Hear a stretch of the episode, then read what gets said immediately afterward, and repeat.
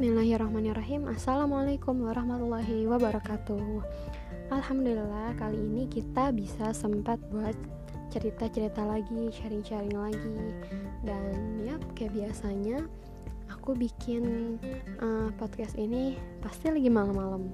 Karena nggak tahu sih kenapa kalau malam-malam tuh rasanya hmm, ada aja ide yang ngalir atau gimana-gimana. Iya sih begadang tuh nggak baik tapi kalau ada perlunya boleh kan ya?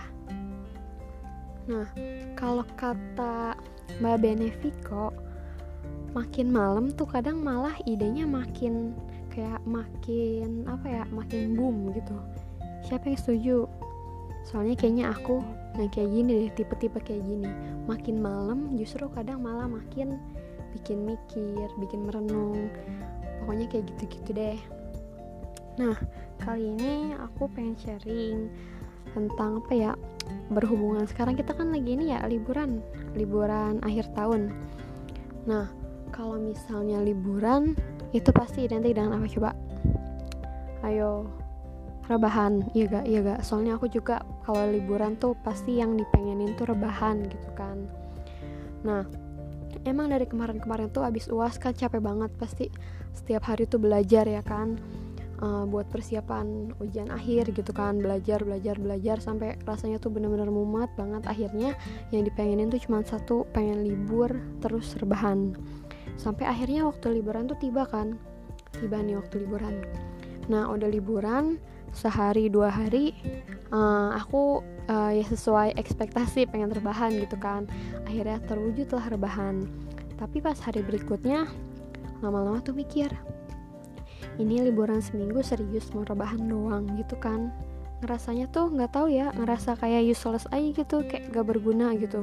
Kayak cuman bangun terus ya kayak gitu makan terus masa antar rebahan gitu-gitu lagi gitu-gitu lagi. Rasanya tuh kayak gimana gitu.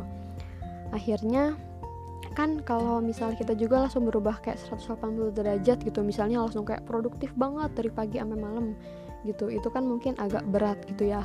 Akhirnya aku pakai trik yang kayak ya udah deh nggak apa-apa berubahnya produktifnya dikit-dikit dulu nanti lama-lama menyesuaikan semoga bisa makin produktif gitu kan. Amin gitu. Kayak misalnya uh, hari ini ya udah deh oke okay, boleh rebahan tapi nanti kayak jangan lupa baca buku atau boleh deh hari ini rebahan tapi nanti jangan lupa ya belajar masak gitu. Atau nggak apa-apa hari ini rebahan tapi nanti jangan lupa ya entah ngelakuin apa aja kayak misalnya nyuci tas atau beresin lemari beresin rak kerudung kayak gitulah pokoknya beberes atau sebagainya yang e, minimal tuh kalau misalnya hari itu kita tuh ada gitu satu hal yang kita lakuin dan hal itu menurut kita tuh emang bisa bermanfaat gitu. Jadi pas malam-malam sebelum tidur pas mau tidur tuh jadi nginget lagi oh iya seenggaknya hari ini saya tuh kayak udah ngelakuin satu hal baik gitu. Jadi pas tidur juga tuh nggak begitu kayak ngerasa ih hari ini ngapain aja ya masa hari ini bener-bener full cuman rebahan doang tuh rasanya gimana? Gitu. Ya walaupun kalau emang bener-bener capek banget nggak kenapa-napa sih. Cuman kayak sayang aja gitu. Apalagi kalau misalnya ngelihat teman-teman gitu teman-teman yang lain. Nah di sini nih pentingnya makanya kita tuh punya teman uh, bukannya gimana ya emang kalau berteman itu nggak boleh pilih-pilih. Tapi kalau buat yang dijadiin temen dekat kita justru harus pilih-pilih. Soalnya kan Rasulullah juga bilang kan kalau kayak ibaratnya kita temenan sama penjual minyak wangi nanti kita bisa ketularan wanginya. Tapi kalau kita berteman sama uh, apa tukang pandai besi takutnya nanti kita ikut ketularan uh, baunya juga. Nah kayak waktu itu pas aku aku sempet kan kayak terserang virus mager Nah, setelah terserang virus mager ini, tiba-tiba uh, teman deket aku itu ngechat dan ini bener-bener kayak bener-bener langsung ngebooster aku banget. Ngechat apa coba? Tiba-tiba ngechat ini.